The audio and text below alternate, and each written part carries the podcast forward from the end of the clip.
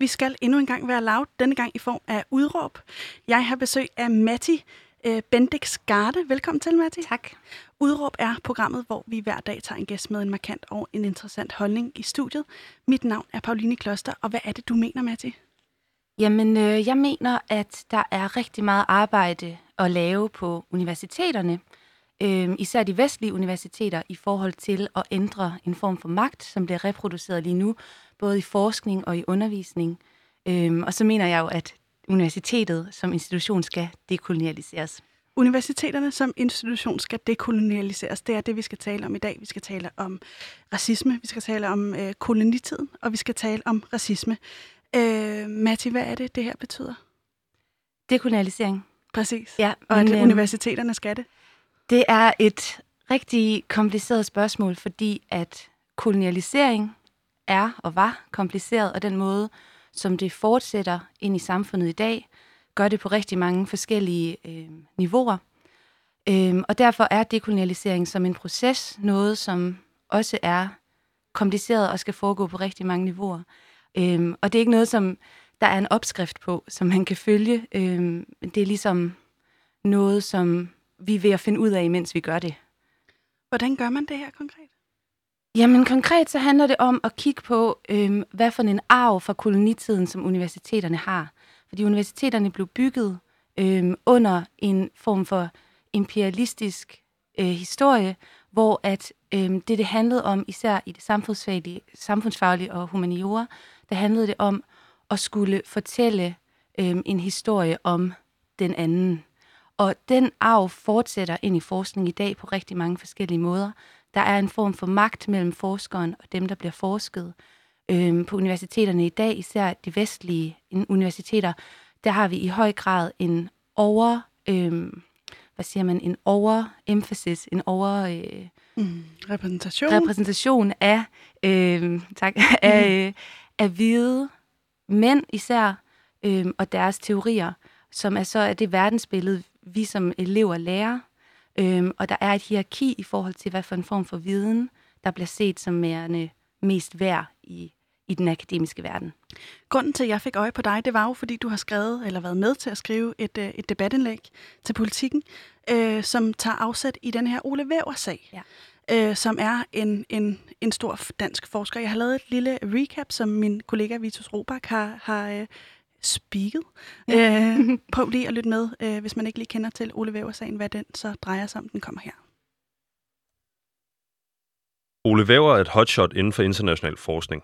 En dansk professor i international politik ved Institut for Statskundskab på Københavns Universitet. Han har lavet en fredsteori, som et par engelske og yngre forskere i tidsskriftet Security Dialogue kritiserer. Vævers teori er racistisk, og den understøtter det hvide overherredømme. En kritik, som Bauer selv afviser med begrundelsen, at kritikken er dårligt videnskabeligt arbejde. Jeg har aldrig set en artikel, der ramte så meget ved siden af. Processen har været dybt ubehagelig, og det har været et lavpunkt i hans liv, siger Ole til Uniavisen. Her var den altså lige kort fortalt af Vitus Robak. Øhm, hvordan hænger det her sammen med, at universiteterne skal dekolonialiseres? Prøver jeg at sige det rigtigt? Jamen, øh, det hænger sammen på den måde, at, man kan, at, at den her sag, den ligesom er et eksempel på de store skæld, der findes inden for den akademiske verden lige nu.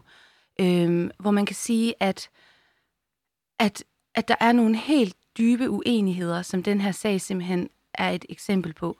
De uenigheder handler om, hvad er god og hvad er dårlig forskning. De forskellige øh, akademiske traditioner har forskellige øh, måder at tænke, øh, hvordan man teoretiserer på. Og der er simpelthen et clash, der sker her, øh, som, som er meget, meget spændende i forhold til den her, den her proces med, hvad er det for en form for, for magt, der er i, i, i universitetet, og hvad er det for et modsvar, der så kommer fra universitetet også.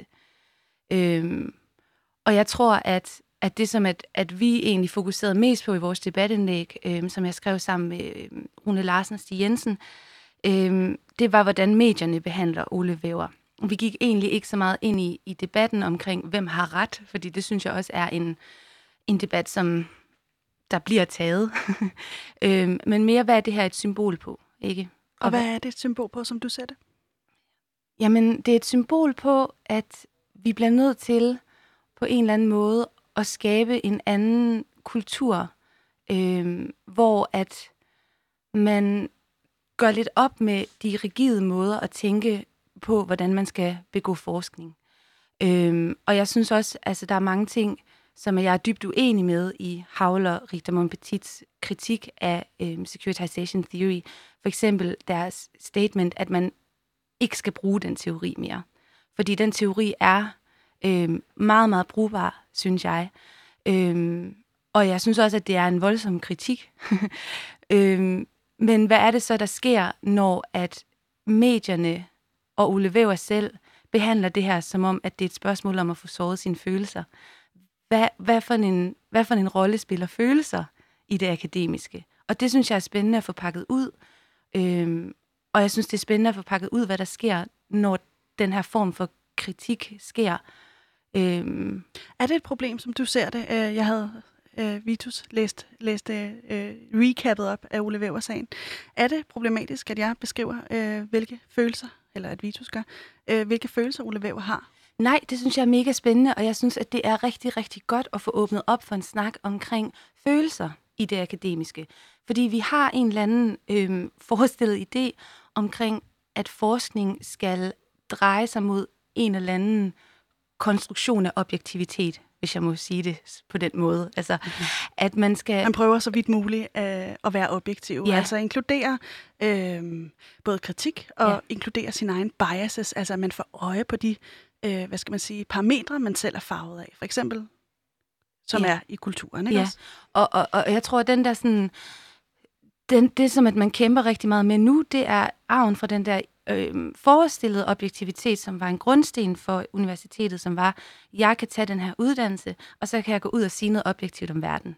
Der er sket et skift øh, med øh, socialkonstruktivisme, som Ole Weber også er en del af, øh, hvor man siger... En videnskabelig til, tilgang til stoffet, ja, ikke? Ja, hvor man siger, der, der findes faktisk ikke noget i det her, som, som er objektivt. Øh, vi er alle sammen farvet af vores egen subjektivitet, og det er en sindssyg vigtige. Og hvis man skal øh, stoppe lige, fordi ja, det, så det ikke bliver alt for øh, ja.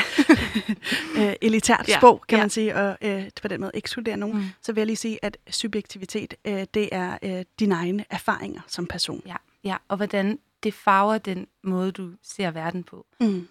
Og hvordan farver det så den måde, du begår forskning på, ikke? Øhm, så nu kunne jeg ikke lige huske dit oprindelige spørgsmål. Men sådan, hvis man siger, at altså det man ser her, det er, at Væver han er dybt investeret følelsesmæssigt i sin forskning. Så vi, vi, vi kan se, at, at forskning ikke blot er noget, det er ikke noget, du er distanceret fra. Det er ikke sådan, at du objektivt forholder dig til et eller andet, og så skriver du en eller anden sandhed om det, og så bum, så videre. Vi er alle sammen dybt følelsesmæssigt investeret i vores forskning, og derfor, når der er nogen, der kalder en teori for racisme, så har det følelsesmæssige reaktioner. Og det er mega spændende, og jeg synes, det er mega vigtigt at have en snak om, hvordan, hvordan vi som i den akademiske verden dealer med de her følelser. Øh, hvordan kan vi skabe forskellige former for kritikker og tage højde for hinandens følelser, uden at man også censurerer kritik, der er hård. Mm. Og det skal vi snakke meget mere om øh, lige om et kort øjeblik. Men Matti, jeg kunne godt tænke mig lige at få slået på plads, du er øh, kandidatstuderende på Københavns ja. Universitet. Du læ- læser Afrikastudier, ja. og du har været i Cape Town. Ja. Øh, vil du ikke lige beskrive, hvad, det, hvad, ved det, hvad ved det afrikanske kontinent, der interesserer dig meget? Øhm, jo, altså øh, det, som interesserer mig rigtig meget, som måske kommer som nogle overraskelse nu, når man har hørt mig snakke om det her, det er, at øh, der kommer rigtig meget teori ud fra Afrika lige nu, som, som øh, også fra Sydamerika og fra Indien, som snakker om, at, øh, at der er en, en, et, en sådan ubalance i vidensproduktionen, hvor der er nogle stemmer, der bliver hørt og bliver reproduceret, og så er der nogle stemmer, som bliver silenced, eller som ikke øh, får lov til at, til at få en stemme inden for den her sådan meget elitære institution, som, som, som universitetet jo er. Ikke? Og hvordan ser du det? Øhm, jamen det ser jeg jo på, altså sådan helt konkret øhm, i de teorier, som vi ser som vigtige. Ikke? Altså når man øh, har øh, vidensteori på det Københavnske Universitet, så er det jo, der er jo en ubalance i forhold til, øh, hvad det er for nogle, øh, for nogle professorer eller scholars eller akademikere, vi læser. Jeg ser det også øh, endnu dybere i, øh, hvordan at vi bruger, hvordan vi har sådan nogle rigide øh, metodeidéer, som gør, at man skal begå universitet, eller man skal producere viden på en bestemt måde, som, som udelukker andre måder. Øh, jeg kan komme med et eksempel fra, øh, fra øh, min tid i Cape Town, hvor at jeg tog et fag, der handlede om traume, sådan rent traumeteoretisk. Øhm, og der var en kvinde øh, på mit hold, som øh, var øh, fra en bestemt øh, sydafrikansk kultur, hvor de var under den overbevisning, eller deres virkelighed, deres, deres levede oplevelse, var, at traume bliver mundtligt fortalt ned gennem generationer. Så det blev ligesom overleveret. Og da hun ville skrive opgave om det, der blev professoren nødt til at sige til hende, det kan du ikke, fordi der er ikke noget teori til at bygge det her op. Så hun kunne ikke repræsentere sin egen kultur i den akademiske verden, fordi at vi har den her idé omkring, at du skal bygge det videre på noget, der allerede er produceret. Og hvis man så ser, at det, der allerede er produceret, har en bestemt vesterlig, hvid, mandlig sådan udsyn på verden, så er der rigtig mange stemmer, der altså, ikke... det er det blik. Det er det blik, ikke? Så er der rigtig mange stemmer, hvor, man, hvor under de regler, der er på universitetet nu, så får de simpelthen ikke lov til, mulighed for at producere den form for viden, som er deres realitet og deres virkelighed og deres subjektivitet. Ikke? Og det synes jeg er dybt problematisk. Er det ikke også problematisk, hvis man øh, ligesom øh, skaber viden uden at have et erfaringsgrundlag, men ligesom, eller et videnskabeligt grundlag, som du kan bygge teorierne videre ud fra? Jo, det er det. Øhm, men jeg tror, at vi skal genopfinde, hvad vi mener med videnskabeligt grundlag. Ikke? Vi skal genopfinde den der idé omkring, at øh, Foucault har sagt det her, og det er vigtigere, end at min bedstemor har sagt det. Ikke? Altså, vi skal på en eller anden måde kunne bruge os selv i vores forskning, og så skal vi også kunne give stemme til de former for faktisk etablerede teorier, der findes, som ikke, er, som ikke, ikke får plads inden for, hvad vi kigger på som ordentlig forskning, eller rigtig forskning. Ikke? Så det er sådan en eller anden måde med at give plads til de historier og de teorier og de verdenssyn, som er marginaliseret i den vidensproduktion, der sker lige nu. Marginaliseret betyder? Marginaliseret, som er undertrykte. ja. ja. Som ikke får en stemme, ikke? Ja. Kanon. Øh, Mathie, du har beskæftiget dig meget med racisme, ja. eller øh, jeg burde nærmere sige hvidhed, fornemmer jeg. Øh, ja. hvad, øh, hvorfor har du det? Jamen, øhm, det startede, der var i Cape Town. Jeg var der under øhm, studenteroprørende Roads Must Fall, eller Fees Must Fall, som handlede om det der med at dekolonialisere øh, universiteterne. Og så øh, var det en ret vild oplevelse at være med til det som hvid, og ligesom se, hvordan at hvide sydafrikanere øh, fokuserede på deres egen hvidhed på en måde, som vi slet ikke gør her i Danmark. Hvilket jo også er klart, fordi der er ikke den samme historie med apartheid og kolonialisme, og vi har en helt anden demografi her, ikke? Men det, så jeg skrev min bachelor omkring øh, hvide sydafrikanere, der var med i den her bevægelse, og hvordan det var ligesom at privilegere fra det system, du prøvede på at gøre op med. Det paradoks, der ligger i at sige, jeg er antiracist til det punkt, hvor at jeg ligesom er, hvad kan man sige, jeg vil ligesom, jeg vil ligesom smadre det system, som jeg som, som, som, som privilegerer mig. Og hvad er det, der er galt med universiteterne? Du har sagt det her med, at, at det ekskluderer nogle stemmer fra, fra, øh, fra universitetsdebatten, eller de ting, der bliver forsket i. Vil du ikke lige prøve at, at komme med nogle eksempler på, hvordan du har set det udmyndte sig? Øhm, jo, altså... Øhm, hmm, man, man kan sige, at det, det udmyndter sig... Det udmyndter sig for eksempel i, at vi på Afrikastudier, nu kan det godt være, at mine professorer de blev sure på mig, men at vi på Afrikastudier selv, som jo burde være øh, i hvert fald det fag på Københavns Universitet, der har mest afrikansk teori, og det tror jeg også, det er, men der er stadigvæk en ubalance. Vi har stadigvæk meget, meget teori, der kommer fra Vesten og snakker om Afrika. Øhm, og jeg tror, at det reproducerer den måde, vi ser på Afrika som et sted. Der vil jo nok være kritiske røster, der i den her kontekst kunne finde på at sige, øh, at der bare ikke er øh, en lige så lang videnstradition i Afrika, som, øh, som der er i Vesten. Altså, hvad tænker du om sådan et argument? Jamen, jeg tænker, at øh, verdens ældste universitet ligger i Afrika. Og så tænker jeg også, at det igen handler om, hvad øh, vi ser som viden, ikke?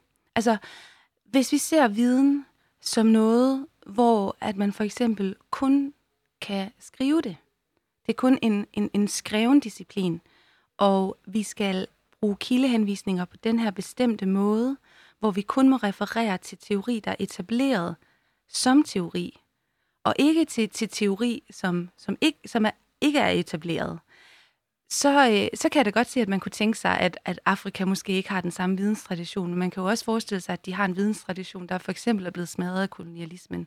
Eller en videnstradition, som bliver skabt og produceret hver dag nu, men som ikke bliver anerkendt som viden, som vigtig viden.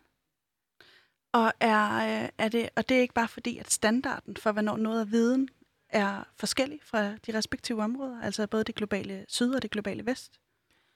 Jo, men jeg tror også, at det er et spørgsmål om, at den standard, vi har for, hvad der er rigtig viden, den kommer af kolonialismen.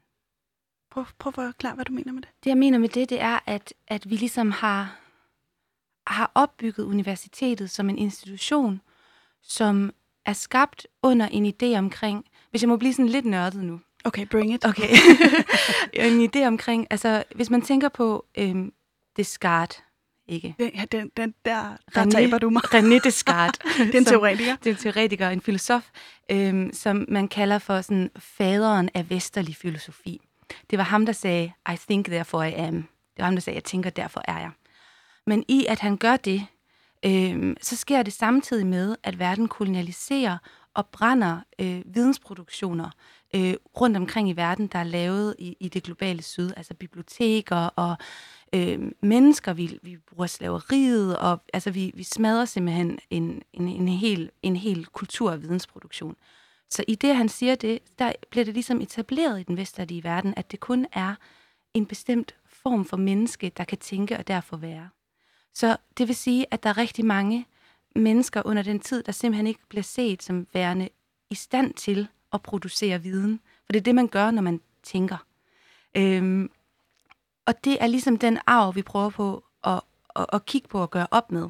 At der er bestemte måder at producere viden på. Øhm, vi har et hierarki af, hvordan den rigtige viden ser ud. Hvad for nogle øjeblikke i den koloniale historie stammer det fra? Og hvordan bliver det reproduceret i dag? Øhm, så det tror jeg er vigtigt at tænke over det der med. Altså hvis man virkelig tænker over det. Hvordan kan det være, at vi tror, at Newton opfandt tyngdekraften, da han så et æble falde. Altså for mig er det sådan lidt en vanvittig ting at sige. Det centrerer hele tiden den hvide mand som den, der producerer viden, hvor selvfølgelig har der været andre, der har man kan ikke engang opfinde tyngdekraften, ikke? Så det er det der med sådan, hvad er det, hvad er det for, en, for en arv, der er der, og hvordan fortsætter det i dag? Og hvad er det, du ser, der skal gøres? Hvad, hvad ligger arbejdet i? Åh, oh, ja, hvis det bare var så let, at man havde en, øh, en opskrift. Jeg tror, at arbejdet ligger i øhm, at kigge på vores teorier, vende blikket indad. Ikke kun på vores teorier, men også på vores undervisning. At universitetet ikke kun, kun skal være se, skal, ikke kun, sorry, ikke kun skal ses som en institution, der kigger ud og laver sandheder om, i anførstegn sandheder om verden, men vi også skal kigge indad og prøve på at se, om vi kan lave nogle lidt grumme sandheder om os selv. Det handler om, hvad for nogle teorier vi putter i vores curriculum, og det handler om, hvordan vi konstruerer det globale syd. Det handler også om... Hvad mener du med, hvordan vi konstruerer det globale syd? Jamen, hvordan at vi sådan går ind og siger, nu har jeg som forsker privilegiet til at undersøge de her mennesker og tage hjem og skrive om det og tjene penge på det. Jeg tror, det er vigtigt at se forskning som en vare også, man tjener penge på.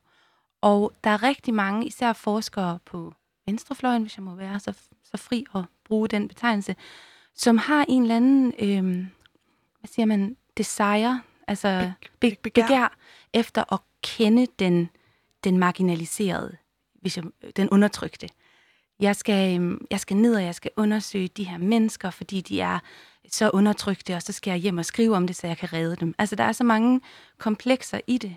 Øhm, og det tror jeg også er en, en kæmpe del af det, ligesom at være sådan, hvad giver mig ret til at skrive om dem? Kan de skrive selv? Kan de skrive deres egen historie? Er de i gang med at skrive deres egen historie? Hvorfor hører vi ikke den? Øhm, og så tror jeg, jeg, jeg, tror, jeg tror også, at det, der er med dekolonialisering, som også er en vigtig pointe, det er, at det er to vidt forskellige processer, om vi befinder os her i Danmark eller i Sydafrika for eksempel. Øhm, Så hvad i Danmark? Hvad er det, der skal ske i Danmark, som du ser det? der skal vi simpelthen gøre op med den magt, der bliver reproduceret. Vi skal gøre op med den magt, der er mellem forskere og dem, der forskes. Og vi skal gøre op med vores subjektivitet øhm, og vores objektivitet, eller vores forestillede objektivitet. Øhm, vi skal Altså stoppe- den her objektivitet med, vi skal gøre op med, at øh, øh, der er nogen, der, der forbeholder sig retten til at fortælle om en endegyldig sandhed, Ja. kan man vel sige. Ikke? Ja, og så tror jeg også, altså en ting, som jeg også synes, der er meget sådan gældende for, øhm, for, for dem, som er humanister eller samfundsvidenskabelige lige nu, det er, at vi, sådan, vi er meget bevidste omkring det her. Vi er meget bevidste omkring, at vi ikke kan sige nogen objektiv sandhed, øhm, men vi sådan metaforiserer det. Og det betyder, at vi skriver en opgave, hvor vi i vores metodeafsnit skriver, øhm, jeg er klar over, at mit hvide privilegie som en dansker øhm, påvirker min forskning. Bum. Og så går vi videre og laver den her forskning. Og vi, sådan, vi siger, jeg er klar over, at jeg reproducerer et magtforhold, men vi gør det alligevel. Så det bliver sådan en metafor, det bliver en rygdækning, hvor man kan gå ud og fortsætte de samme magtbalancer, fordi man har sagt, at man godt ved, at det er problematisk. Hvorfor, hvorfor så gøre det?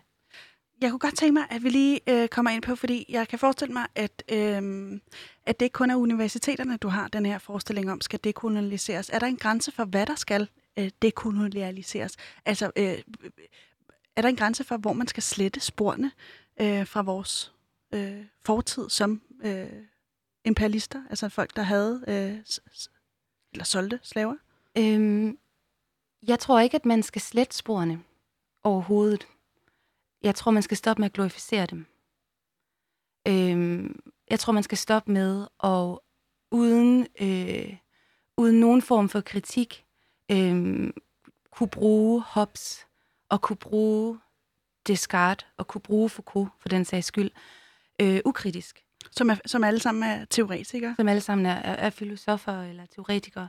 Øhm, jeg tror ikke, at man, skal, at man skal slette nogen spor, og det er også derfor, jeg er uenig i kritikken af Ole Væver øhm, fra af, af Melanie Havler, Alison Richter Monpetit, fordi Måske skal jeg, undskyld, jeg Ja. lige kommer til at afbryde det, for, bare fordi jeg kommer lige i tanke om, vi har, øh, jeg har kontaktet Ole Væver, Nå. øh, men han har ikke vendt tilbage i forhold til det her. Det er bare lige for at få, clearet det. Undskyld, ja. fortsæt, du er i gang med Ja. en, en vigtig altså de, øh, de siger, at, øh, at, at man simpelthen skal, øh, skal, skal, skal, skal stoppe med at bruge den her teori. Og jeg tror, det er rigtig vigtigt, at vi ser den her bevægelse som en måde at åbne op for nogle ting, og ikke lukke dem.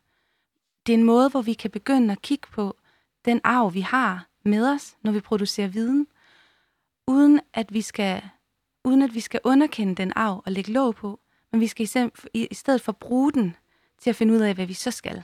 Men du peger på universiteterne. Du, øh, er der andre steder i vores samfund, hvor du ser de her øh, koloniale tendenser, om man vil? Ja, altså, øh, er det statuerne, du, øh, du henviser til? Ja, Øhm, der, der er mange ting. Det ja. er bare for at sige, at øh, Ja. egentlig også for, for at illustrere, at det her emne er enormt stort, og Ja. det er ligesom de piller, vores samfund mm. øh, står på. Jamen, det er det. Eller pæle, kan man Ja. ligesom sige. Men øhm, Og jeg ved ikke, hvis jeg lige... Ja. Altså, jeg ved ikke, øhm, hvordan det er nu, men da jeg var i folkeskolen, der lærte jeg, øhm, at vi i Danmark var de gode slavehandlere. Og vi var de første til at stoppe slaveriet. Og vi fik ikke lært, at det var fordi, at øh, vi mistede penge på det. Og vi fik ikke lært, at slaveriet faktisk fortsatte på de vestindiske øer lang tid efter. Øhm, og jeg tror, at de der fortællinger er vildt farlige. Øhm, fordi at det er en fortælling, som kan bidrage til, at vi også glorificerer Danmark som et eller andet øh, fremgangsland, hvor der ikke er racisme. Det kan vi jo også se øh, nu med al den her snak om, om Black Lives Matter, den under, undersøgelse, der har været, hvor at 51 procent af danskerne svarede nej til, at der fandtes racisme i Danmark. ikke. Jeg tror, der er en helt klar sammenhæng mellem den måde, vi lærer om vores koloniale historie på, og så den måde, vi tænker Danmark som nation i dag. Og det tror jeg kan være rigtig farligt, at vi ikke også er selvkritiske som nation, kigger på, hvor kommer vores velfærdssamfund fra, hvor kommer, hvor kommer vores, vores kultur fra, hvad er det egentlig for, noget, for en arv, vi som nation også har, og hvordan fortsætter det i dag, også i, i det, at vi kan have en ghettopakke, og vi kan have øh, sjælsmark, og vi kan have alle de her ting. Altså det tror jeg også er direkte koloniale arve stykker. Hvorfor? Fordi at hvis man allerede som nation kan se sig selv som værende bedre end andet, så kan man gøre sådan nogle politiske tiltag og gøre dem legitime. Som straffer? Øh, som, eller? som straffer, eller som er racistiske. øhm, hvis man selv tænker, at man er problemfri, så kan man gøre nogle meget problematiske ting, og i tale sætte dem som problemfri. Okay, Mette, jeg kunne godt tænke mig, fordi med dit statement, at universiteterne skal dekoloniseres, det rækker også videre ud end universiteterne, det her.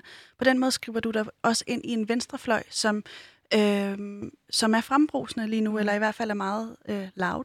Ja. Whoop, vi fangede mig lige den.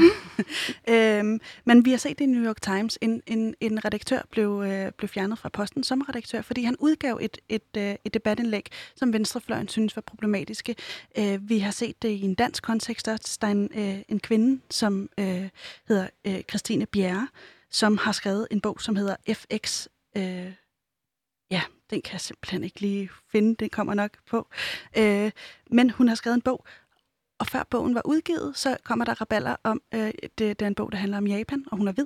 Øh, på sociale medier kommer der en, en shitstorm af kaliber, som gør, at forlaget ikke vil udgive den her bog. Mm. øh, hvordan skiller Ole Væver sig sagen ud for det? Fordi det handler vel også om substansen af kritik, og ikke nødvendigvis bare en, øh, en udskamning af dem, som, som øh, de positioner, som er problematiske, kunne jeg forestille mig, i, i dine øjne. Ja, og jeg tror, der er rigtig stor forskel på, og, altså jeg tror, der er stor forskel på at kigge på hele Vævers livsværk, som også starter i 80'erne, hvor vi har en anden tid, og som også har været fuldstændig banebrydende i forhold til at kigge på, hvordan at, at kritisere vesterlige stater for at gøre de racialiseret eller de andre til en sikkerhedstrussel. Der er rigtig mange meget, meget brugbare ting i Vævers teori, og han har simpelthen været, altså ja, som jeg sagde, banebrydende. Øhm, og jeg tror ikke, altså igen, at jeg er også uenig med, at man ikke skal bruge den teori. Øhm, jeg tror, at det også er et spørgsmål om at kigge på, hvad dem, som faktisk er undertrykte, i de forskellige former og grader siger om det her. Det er ikke mig, der skal gøre mig til dommer for, om der er en bog om Japan, der må udkomme, eller om, øh, om der er en, en artikel i New York Times, der må udkomme. Fordi jeg er også privilegeret på rigtig mange måder. Jeg tror også, at det handler om at have en eller anden ydmyghed i forhold til at lytte til, at når der er nogen, der siger, det her, det synes jeg, som marginaliseret, som undertrykt, som racialiseret, som øh, kvinde, som kønsneutral, som whatever, øh, det synes jeg er noget, som sårer mig dybt. Så tror jeg, at det handler rigtig meget om, ligesom at bare have en indstilling, hvor man siger, shit okay, det er jeg sgu ked af. Og lad være med at have den der stolthed eller skrøbelighed, som det jo også er, hvor vi går i front og går i, og går i forsvar, hvis der er nogen, der siger til os, øhm, nu skal I ikke lige gøre det her hvide mennesker. Det var det samme som Black Lives Matter-demonstrationen, ikke? hvor det er sådan, nu er der lige nogen, der fortæller os, at vi kan være med på den her måde. Vi er bare ikke vant til, at der er nogen, der fortæller os, at der er noget, vi ikke må, og så skriger vi ytringsfrihed. Og vi har selvfølgelig ytringsfrihed, men vi har ikke frihed for konsekvenserne af den ytringsfrihed, og så kan konsekvensen være, at der er en masse mennesker, der bliver rigtig sure. Øhm, men er det ikke også problemfyldt, at man øh, har et samfund, som hviler på nogle, nogle, nogle principper, som også er oplysning, øh, som er viden, som er øh, en masse andre ting. Altså, hvor meget skal vi øh, dekolonialisere? Hvor meget skal vi ændre i, i, øh, i, i det bagudskuende lys? Altså, fordi man, man kunne stille det helt skarpt op, skarpt op og sige, øh, skal vi al, ændre alting, øh, som, som kommer efter øh, oplysningstiden, og øh, vidensproduktion ligesom bliver øh, implementeret i vores samfund? Det er jo det store spørgsmål, som jeg igen også tror, at øh, fordi øh, altså, jeg tror, man igen skal lytte til dem, der faktisk skriver de her dekoloniale teorier.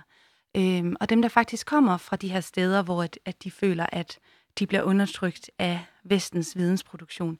Hvad, hvad siger de? Øhm, og jeg tror, at kernen af spørgsmålet det er, handler det her om at skabe en balance, sådan at vi har et pluriversitet i stedet for et universitet. Og det bliver du også lige nødt til at Hvor forklare. der i stedet for en uni, altså en måde at tænke viden på, så kommer der pluri, altså der kommer mange forskellige måder, og der er lighed imellem dem. Øhm, er det det, altså i den verden, så bliver man nødt til at skabe en balance, fordi sådan som det er lige nu, er der en ubalance. Øhm, jeg tror ikke, det handler om, at der ikke skal være plads til fortidens spøgelser, men vi bliver nødt til at gøre dem til spøgelser. Og, og, og ligesom i tale sætte, når vi bruger de teorier, hvad er det så for, en, for, en, for nogle idéer, vi reproducerer? Og for mig er det at åbne op. For mig er det, at vi stopper med at bruge tingene problemfrit. Vi gør forskningen meget mere øh, specifik, og vi gør den meget mere øh, interessant, fordi vi ikke bruger noget øh, uden at, at åbne op for, hvad det egentlig er. Og øhm, det klinger fuldstændig genklang, hvis man tænker i øh, humaniora, hvor man oftest, øh, altså hvor man studerer mennesket, mm. øh, hvor man oftest har mange forskellige synspunkter, og også bruger det her med at inkludere sin egen biases og sådan noget. Øhm, der, hvor kæden hopper lidt af for mig, det er, når vi snakker øh, naturvidenskab. Mm. Øh, for eksempel, øh, hvad hedder øh, hvad, ej, hvad hedder Isaac Newton og, og æblet. Ja. Ja. når man snakker om, hvad hedder det? Den, Tyngdekraft. Tyngde, tyngdekraften, ja. Lige præcis. Når vi snakker om tyngdekraften, og vi snakker biologi, vi Mm. snakker en masse andre ting. Øh, er der en grænse for, øh, hvilke fakulteter, kan man ligesom sige, hvilke områder inden for universitetsverdenen, som skal ændres? Nej, men der er forskellige måder, det skal ændres på. Man kan ikke tage en, en hat, som hedder, hvordan dekolonialiserer vi humaniora, og så presse den ned over biologi. Men, men jeg tror, at naturvidenskaben har lige så stort behov for at gentænke, hvad det er for nogle sandheder, der bliver reproduceret der. Vi kan for eksempel se, altså eugenics er jo et rigtig godt eksempel, Ja, det, der, Øhm, der, er- der, er- hvor det ligesom var en øh, under 2. verdenskrig, eller før også, en fuldstændig etableret videnskab, som sagde, at øh, mennesker var, øh, hvide mennesker var mere intelligente end, øh, en sorte, øh, på grund af den, altså, det var ligesom øh, på grund af deres kranieform og sådan noget, altså, jeg ved ikke. Øh, helt fucked, men det var etableret, ikke? Og det kan vi se nu, er fuldstændig illegitimt. Men hvad er det for nogle andre ting, vi kan se som værende illegitime? For eksempel, så kan man også sige, et andet eksempel, der, da, øhm, da de opfandt airbaggen, der var det kun mandlige ingeniører, som var med til at designe den. Så det gjorde, at de første airbags dræbte kvinder, fordi de ikke havde overvejet, at der kunne sidde nogen, der var mindre end dem i bilen. Så vi ved, at selv de her, de her ting, som, som, som vi kan se som objektive, de er ikke altid objektive. Øhm, og jeg tror, det er vigtigt inden for naturvidenskaben, at man også kigger på, hvorfor er det, at jeg vil lave det her øhm, eksperiment? Hvad er, mine, hvad er mine øh, holdninger til det? Hvor er det for nogle valg, jeg tager? Og hvad er det så, jeg går ud og, at få som, som øh, resultat? Men stopper man ikke netop vidensproduktionen ved at øh, lade være at forske i, for eksempel, øh, om øh, hvide mennesker er øh, klogere end sorte mennesker, som er det der helt fucked eksempel, som du kommer med. Øh, stopper man ikke vidensproduktion, hvis ikke man prøver at kaste lys ind i det område, om der skulle være racielle forskelle, eller, eller køn, forskel mellem kønnene, eller så videre, så videre? Jo, men man bliver nødt til at kigge på, hvad det er for nogle ideologier, der ligger bag. Og hvor igen tilbage til ens... Øhm, hvorfor kan jeg ikke det ord på dansk? Det sejrer. Begær. begær, ja. ens begær efter at finde ud af en bestemt ting. Ikke? Øhm, det går jo tilbage til spørgsmålet med øhm, ytringsfrihed, og skal der være plads til alle øhm, stemmer i universitetet? Skal der være plads til øhm, de mennesker, som øh, tager til en eller anden øh, stamme i Afrika, interviewer nogen, siger, det her det er den her stammes øh, virkelighed og kultur, nu går jeg hjem og skriver en bog, og så tjener jeg en masse penge på det, og så tager jeg det tilbage. Altså sådan, skal der være plads til det? Øh, er der noget, der skal censureres? Og det, øh, det, det synes jeg er et meget, meget svært spørgsmål. Hvis du lige er kommet på derude, så kan jeg sige, at du lytter til programmet Udråb. Vi er programmet med en gæst med en markant og en interessant holdning. Øh, eller hvor vi får en gæst med en markant og en interessant holdning i studiet. I dag er det øh, i dag er dig, Matti øh, Bixen Garde. Bendix. Bendix. Ja. jeg er simpelthen en klon til navn. Øh, det må du undskylde. Bendix. øhm, jeg kunne godt tænke mig, at vi lige bliver hængende ved det her, fordi øhm, som jeg hørte, så det, der ligger bag alt det her, det er en forståelse af magt, som måske skiller sig ud fra mange andre forståelser af magt. Mm. Altså, øh, det er ikke øh, en magt, hvor øh, jeg holder dit hoved nede, men den er mere strukturel og hviler på nogle historiske pæle. Der er en mand, en fransk filosof ved navn Michel Foucault, som er en af de største tænkere, vi har haft vil nogen måske sige. øhm, han, øh, han har sat nogle ord på den her forståelse af magt, som han kalder den normaliserende magt. Den, der udspiller sig alle steder mellem mennesker øh, og til alle tider. Jeg har fundet et klip fra øh, Leiden, Leiden Universitet, University hedder det, øh, som, som forklarer øh, Michel Foucaults begreb af den her type magt, som står over for øh, den mere direkte form for magt. Prøv lige at høre, hvad, øh, hvordan de forklarer det. Det er en mand, øh, en hen. Prøv lige at høre, hvordan han forklarer det. For instance, take stealing. Only a few of us actually go to jail for stealing. And what's more, it's not the case that the rest of us are motivated not to steal because we are afraid of going to jail, because of the threat of jail. We don't walk through the supermarket with the desire to steal things held in check only by our fear of the police.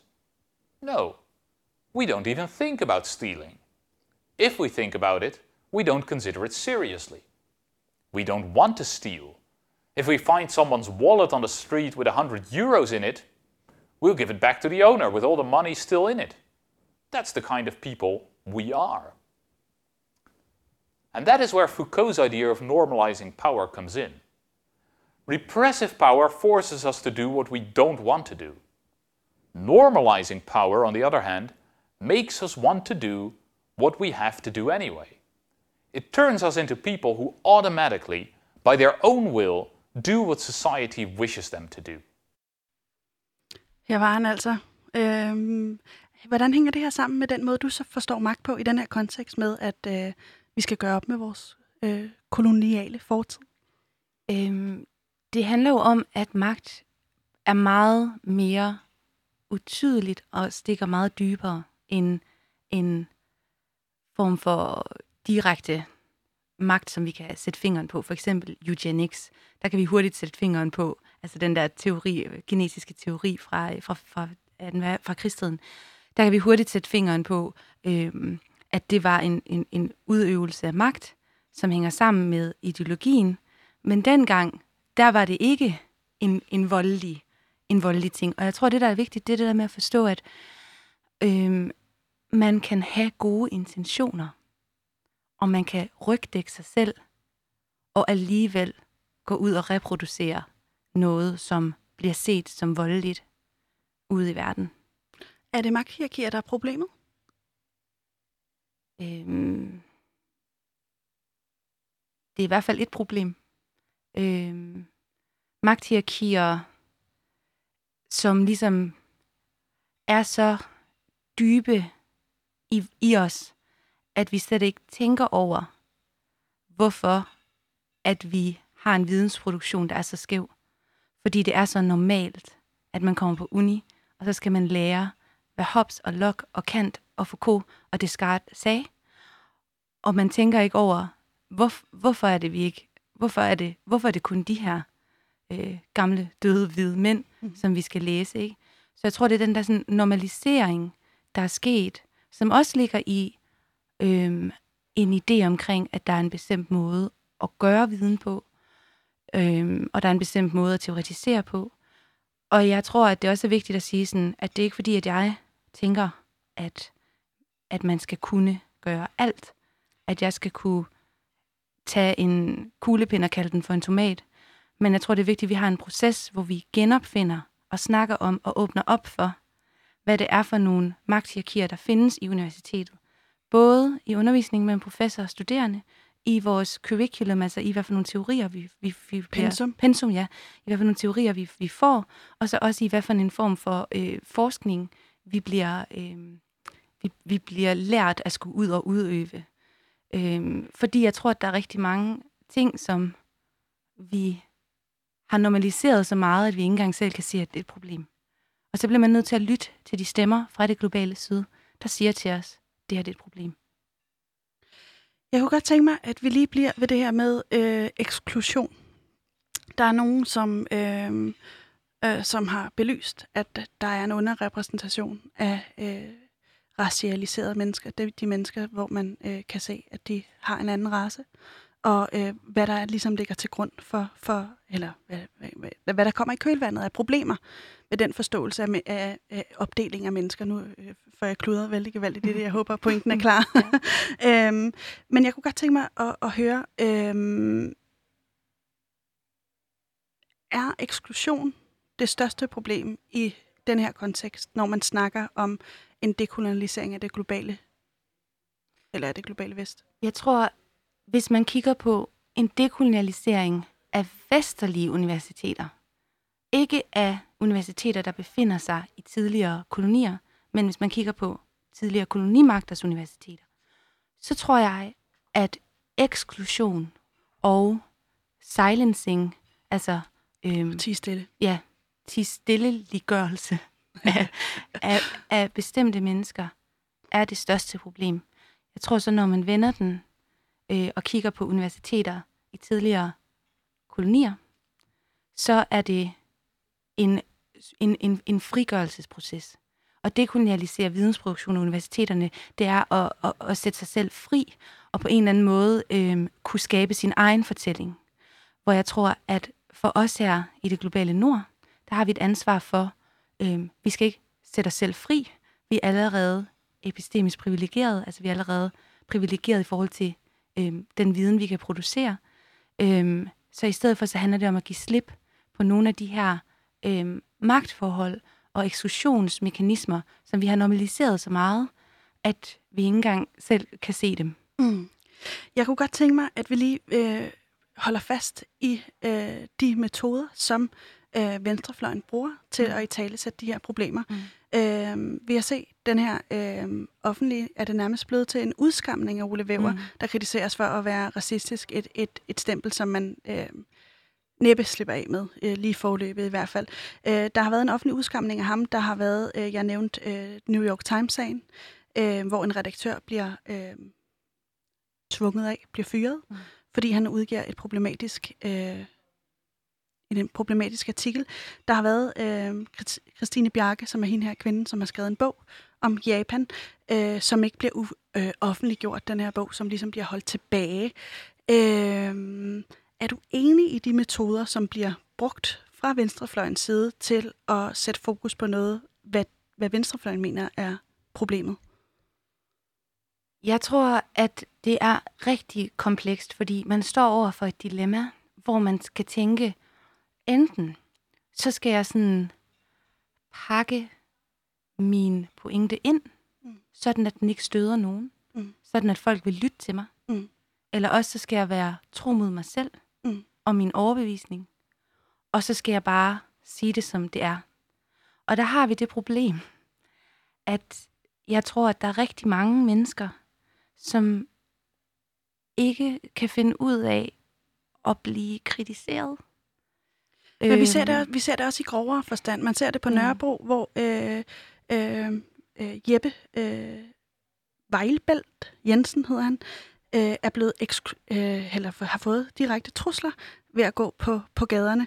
Øh, Venstrefløjen har massivt take på Nørrebro. Jeg har set en, der personligt er blevet deporteret ud af Nørrebro, fordi han havde kommet med racistiske budskaber øh, på en bar. Mm. Og jeg tænker bare, øh, er det ikke også et problem, fordi reproducerer man ikke de øh, magtstrukturer, som netop ekskluderer og som lukker munden på mennesker, denne gang ikke øh, fra sorte til hvide, men fra øh, hvad skal man sige, fra øh, uddannede og folk, som er opmærksom på de her problematikker, til øh, folk, som ikke er, altså uuddannede mennesker, Mm. som ikke er opmærksom på de Mm. her problematikker. Er det ikke de samme mekanismer, der går igen i den her kontekst? Og så kommer hele spørgsmålet med klasse jo også ind. Nu har vi snakket rigtig meget om race, men jeg tror, at det som også er, øh, er noget, som, som, som venstrefløjen ofte overser i dag, er klasse. Og at, øh, at man ligesom aldrig er...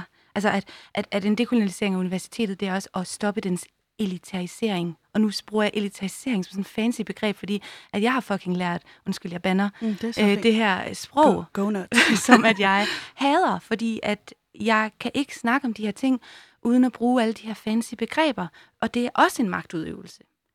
Jeg tror, at det er rigtig svært, fordi som jeg har sagt før, så er man, at man har altid ytringsfrihed, men man har ikke ytringsfrihed fra konsekvenserne af, hvad man siger. Og jeg tror, at vi tit kigger på, at der er nogle marginaliserede mennesker, nogle undertrykte mennesker, som konstant er vant til at blive mødt med racisme eller sexisme eller nogle af de andre ismer. Og jeg synes også, at de har ret til at have følelser, når det så sker igen. Det synes jeg. Jeg synes ikke, at man skal pakke øh, nogens vrede ind for at skulle tilpasse den en eller anden pæn diskurs, hvor vi alle sammen kan sidde og være venner. Fordi hvis en person er racist, jamen så kan vi ikke være venner. Altså, og det tror jeg, jeg, jeg er meget imod den der skyttegravskrig, hvor man bare sidder og skyder på hinanden, og jeg synes også, at, at kritikken af Ole Væver er voldsom, fordi de, altså jeg kan godt forstå det, fordi den er, den er voldsom, og de skyder på ham.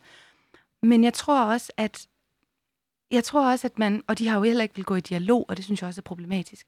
Og jeg tror rigtig meget på en, en dialog, hvor vi kan snakke om de her ting inden for akademia, men jeg tror også, at hvis det skal kunne ske, så skal der ske et eller andet ændring, hvor at man simpelthen tager det til sig, når man bliver kritiseret, og ligesom tager det ind og tænker over, hvad der bliver sagt, Ja. og ikke går i, ikke går i forsvar. Men jeg, øh, hvordan skulle man kunne snakke med nogen, for hvem man siger, at dit sprog er forkert? Din, dit verdensbillede er forkert. Hvordan kan det andet end at skabe en skyttegravskrig, hvor man overhovedet ikke kan mødes om dialog, hvis man siger til folk, du er direkte forkert. Du hører ikke til i det her område, du hører ikke til på universitetet. Øhm, hvordan rykker vi os videre i, i demokratiet, hvor vi har tradition for at snakke sammen, og for at blive klogere på hinandens erfaringer og verdensbilleder? Det er så svært, fordi det virker som om den letteste løsning netop vil være at skulle pakke det hele ind. Men jeg tror, ved at pakke det hele ind, så reproducerer man også de magtstrukturer, som man prøver på at gøre op med. Så skal jeg gøre min feminisme eller min antiracisme pænere, sådan at den kan spises af øh, folk. ikke? Øhm, og så er det jo så ærgerligt, at, at det, der sker lige nu, det er en skyttegrav. Og jeg vil jo godt sige, at altså, som lytterne sikkert allerede ved, fuldstændig venstrefløjsperson, ikke? Og det er også derfor, at jeg siger, at jeg synes, skulle at ansvaret ligger på dem, som bliver kritiseret. Det ligger hos dem, og skulle ikke gå i forsvar. Fordi kritik bør være noget, som man... Kritik kommer altid et sted fra. Det kan så være et forkert sted eller et rigtigt sted, men det kommer altid et sted fra. Og man skal altid lytte. Øhm, og Væver har jo skrevet et modsvar, ikke? Så han har jo også en stemme. Øhm, og så kan man jo selv tage stilling til, hvad man er enig med, eller om man ligesom mig ikke er enig med noget, men bare synes, at det er spændende, ikke? Øhm, men jeg synes, det er rigtig svært, fordi jeg gad godt en verden, hvor vi kunne sætte os ned og snakke om alt det her pænt. Men problemet er, at der i forvejen er nogle strukturer, som gør, at der er nogle mennesker, der føler, at de har en større stemme. Det kan vi også se igen med, med Black Lives Matter, hvor det lige pludselig endte med at handle om, at hvide mennesker følte sig stødt. Vi føler, at vi har ret til at gøre tingene på vores præmisser. Og så er det rigtig svært at gå i dialog med nogen, der føler, at de har ret til, at det skal være dem, der har den største stemme. Så jeg tror, det handler om, hvis du har et privilegie, så vær super ydmyg omkring det. Og hvis dit privilegie bliver kritiseret, så lyt. Øhm, jeg forstår godt, hvad du mener. Mm. Men jeg tænker bare, øhm, det kan vel også være, øh, der sidder gang trisse mennesker derude og lytter med. Mm. Øh, vi har jo sindssygt høje lyttertal her på Radio Loud. Men øh, der sidder gang til mennesker og lytter med, hvor, hvor de stusser over den her. Jamen, øh, er privilegier i den her kontekst, er det ikke noget, som man vi i Vesten har stillet op. Altså, det er, det er, det er materielle goder, det er sikkerhed til sundhedsvæsenet, vi kan få en uddannelse, vi har et retssystem, der fungerer nogenlunde. Øh, vi har en masse privilegier, men, men det er ikke nødvendigvis det, der gør folk glade. Forstår du, hvad jeg mener? Mm. Ja. Så, så på den måde, ved at, ved at sige, at nogen skal tænke over de privilegier, man ligesom har eller ikke har, så, øhm, så bliver man ligesom også konfronteret med øh, en ulig verdensorden på mange punkter, og ikke nødvendigt, som ikke nødvendigvis hænger sammen med materielle goder. Men jeg tror også det der med at tænke, at både at tænke, at privilegie er materielle goder, og også at tænke, at privilegie nødvendigvis gør en glad. Det, det tror jeg ikke er, øh, det tror jeg ikke er, er pointen. Øhm, vi, vi består alle sammen af forskellige øhm, måder, vi er privilegeret, og måder, vi er undertrykte på. Ikke? Øhm, og, og jeg tror, at jeg kan, jeg kan være øh, dybt ulykkelig på grund af et eller andet, men det er stadig ikke sådan, at jeg går ud i verden og bliver diskrimineret mod på grund af min race. Så det giver mig et privilegie. Det gør ikke, at jeg så bare går rundt hver dag og er sådan, wow, jeg er hvid. altså, jeg har det fedt, fordi jeg ikke oplever racisme. Fordi der er selvfølgelig andre ting, og livet er meget mere kompliceret end kun at kigge på, hvordan man er privilegeret og ikke er privilegeret. Men man har et ansvar, fordi vi ved, at hvis du er privilegeret, så oplever du ikke den anden side af den mønt. Så er du ignorant faktisk i forhold til, hvad øh, den anden side af den mønt er, fordi det er ikke en del af din virkelighed. Den ydmyghed, som det giver, når man forstår det, i forhold til, når man så bliver kritiseret, og man så kan sige, der kommer en fra den anden side af min mønt, og kritiserer mig, fordi at jeg ikke forstår det her, og jeg siger måske et eller andet, hvor jeg ikke har taget højde for et eller andet, så, øh, så tror jeg med den ydmyghed, at man kan komme helt vildt langt i snakken. Og øh, hvor er det, vi skal hen? Jamen, altså, skal vi snakke utopier, eller skal vi snakke realisme? skal vi tage en, en, en af hver? En af hver. øhm, jamen, altså, utopien, det er jo øhm, og sådan frigøre universitetet fra øh, hierarkier og fra magt, og ligesom have en vidensproduktion, som ikke skældner mellem rigtigt og forkert, baseret på et system, der har rødder i kolonialismen. Det er, man må stadig godt, man må stadig godt kigge på, hvad der er rigtigt og forkert, men det skal ikke være på grund af den kolonialistiske historie, vi har haft. Det skal være på grund af noget, som, som, som, som ikke har noget at gøre med magt, hvis det giver mening. Det er utopien, ikke? Jeg aner ikke. Altså, hvis, hvis jeg vidste, hvordan, så ville jeg... Øh, også fordi der ligger det der i det med, at... Øh, øh, har jeg hørt en, en klog mand sige engang, øh, at øh, viden er magt. Ja. Og reproduktion af viden sker på universiteterne, så hvordan kan sådan en institution være magtløs? det, er jo også, altså, det handler jo også om at kigge på, hvem der bliver lukket ind på universiteterne. Hvad er det for nogle, hvad er det for nogle hvad, hvad hedder det, skills, øh, øh, evner, færdigheder. færdigheder, man skal have. Øh, jeg, altså, jeg var øh, i Canada på et universitet der, og der var der på et tidspunkt, nu kommer der til at sidde rigtig mange lyttere og bare rynke på næsen, men der var på et tidspunkt, hvor vi dansede en eksamen. Fordi vi, der var en i klassen, som var sådan, for mig, der sidder viden i kroppen, ikke? Og det kan godt være, at der er mange, der rynker på næsen. Men det der med, hvorfor er det, vi rynker på næsen? Det ja. synes jeg er spændende. Hvad er det, der gør, at vi tænker, at det er mindre værd end noget andet, ikke?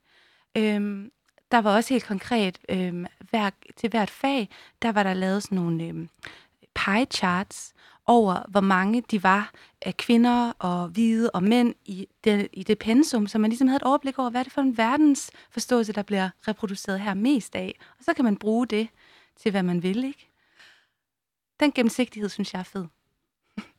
Hvad er det realistiske scenarie? Vi har været inde på utopiet. Hvad er det realistiske scenarie ganske kort?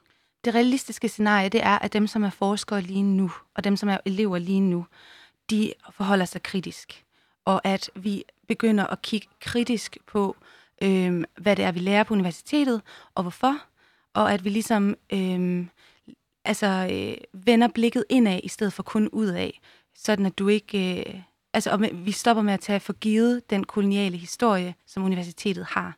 Og vi lærer den alle sammen hele tiden. Matti Bendix Garde, Ja. tusind tak, fordi du kom. Det var alt, hvad vi nåede i dag. Det ja. Har været interessant, og måske bliver der en round 2 på et andet tidspunkt. Jeg har i hvert fald mange ting, jeg har skrevet over. Produceren var Vitus Robak. Rakkerpak Production var produktionsselskabet.